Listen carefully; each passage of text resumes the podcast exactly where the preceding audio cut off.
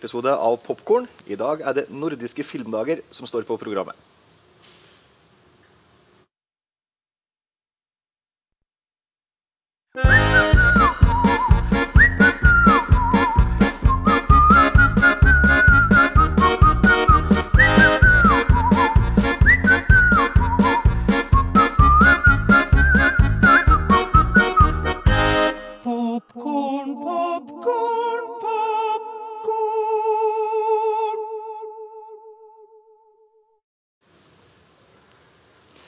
Da er vi i gang. Ny episode av Popkorn. Og i dag så har vi oss eh, to gjester her. Og det er Kari. Og Marit. De kommer fra Foreningen Norden. Og sammen med Støren kino så arrangerer vi oss nordiske filmdager. Og så er jo nå midt i skole- og barnehagevisningene. Men for dem som ikke vet det, hva er nordiske filmdager? Eh, Det er noe som oppstod for eh, fem år siden. Det er femte gangen vi arrangerer det nå. Og det var Gerd Stenbro Lo og Atle Fredagsvik som sammen gikk eh, for å arrangere eh, filmdager på Støren. Eh, det, årsaken til det er at eh, Foreningen Norden jobber for å fremme nordisk kultur, språk, kultur, kunst og også politisk eh, samarbeid, men ikke partipolitisk. Eh, sånn at det er en eh, forening som spenner over hele Norden. Og dette er da et ledd i å fremme nordisk kultur på en folkelig og god måte. Det er jo en veldig fin mulighet for eh, Støren kino da, til å få mulighet til å eh, sette av tid og bruk på nordisk film. Fordi at eh, ofte så drukner de litt i det som kommer fra USA og sånt. Da. Ja, for akkurat nå så får Hollywood og blockbuster bare vente på seg. Ja, nå må de vente. Nå må de vente. Nå er nordisk film som står på programmet. Yes. Mm. Og norsk film, det får jo plass. Men eh, det er litt det at eh, svensk, eh, dansk og islandsk og finsk, det, der er masse spennende der òg. Og det å vise fram det er artig. Og mulighet til.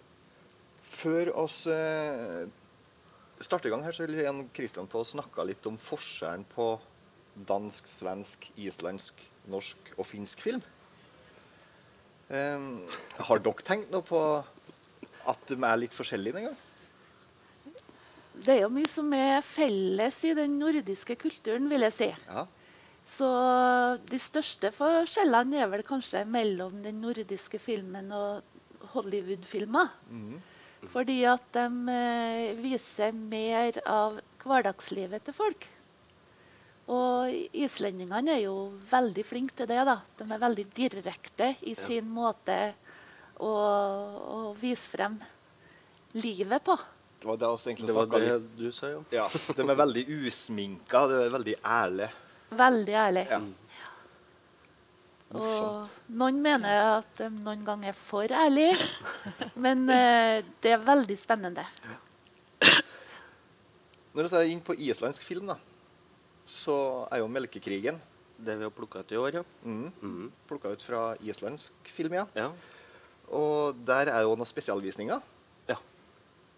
Vi har fått et samarbeid med Bondelaget, for det er tematikk da på landbruk.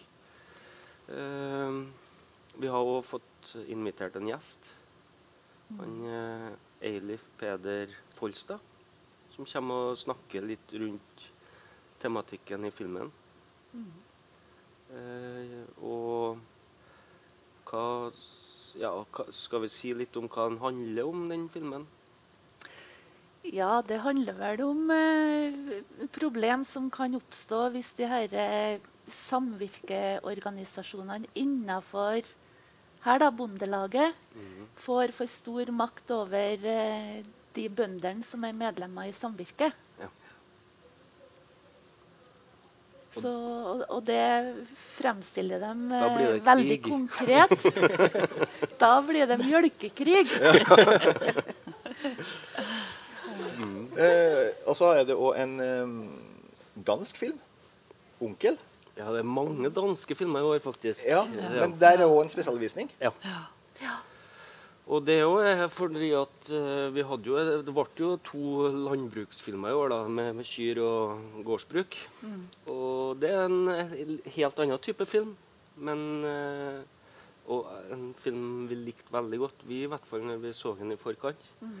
Og som eh, skaper en del sånn tanker i oss i etterkant. Og det jo litt, handler jo litt om det med plikt eh, kontra å forfølge drømmer. Da.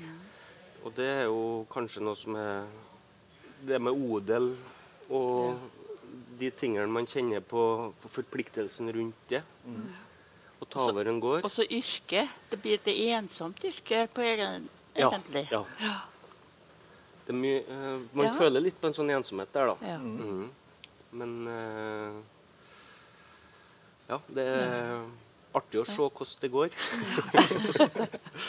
Hvis du sammenligner de to filmene, så er jo 'Melkekrigen' veldig en krig som er utadretta. Ja, ja. Mens den Ja. 'Onkel' er, går eh, Ja. mer på det som skjer inni internt. Ja, ja. eh, hovedpersonen. Ja. Da har vi fått snakka litt om to filmer. Jeg har lyst til å nevne opp alle sammen, jeg, som jeg står på programmet. Det er 'Rettferdighetens ryttere'. Mhm. Det er Det er jo en førpremiere. Det er jo en dansk film, da. Ja. Og den er Ja. ja. Så er det Greta. Den eh, kjempestore pæra. Pelle Svansløs. Jeg er William. Melkekrigen. Og Onkel og Tove. Mhm. Og så Pusher. Ja. Kan ikke du si litt om Pusher? Hvorfor at den ble tatt inn? Jo, for det, øh, kan jo bare fortelle litt om For du nevnte jo at øh, det her er et samarbeid mellom Foreningen Norden og Støren kino. Men for to år siden så ble det jo en Støren filmklubb øh, oppretta. Og da har dem òg hivd seg litt på det nordiske filmdager og- og er med på samarbeidet. Og vi har, eller Støren filmklubb da, har jo eh, valgt ut Pusher da, fra 1996 som eh, sitt bidrag. Og det er jo en sånn rå, ærlig først, Regna som den første danske gangsterfilmen. Eh, og det er jo en regissør som hadde eh, det Vinding Reften, som debuterte med den filmen her, og som har gjort det stort både i Danmark og i Hollywood og internasjonalt etterpå. da. Så um, artig å se trådene og ja, tilbake. Jeg ser at det står feil i programmet her. Det står 1969. Det er 1996. yes. Fin oppklaring. Ja. Jeg har lyst til å si noe om eh, den utrolige historien om den kjempestore pæra. For den filmen jeg har sett mange ganger med, hjemme med familien min. Den er artig for en treåring, og den er artig for en som er 40.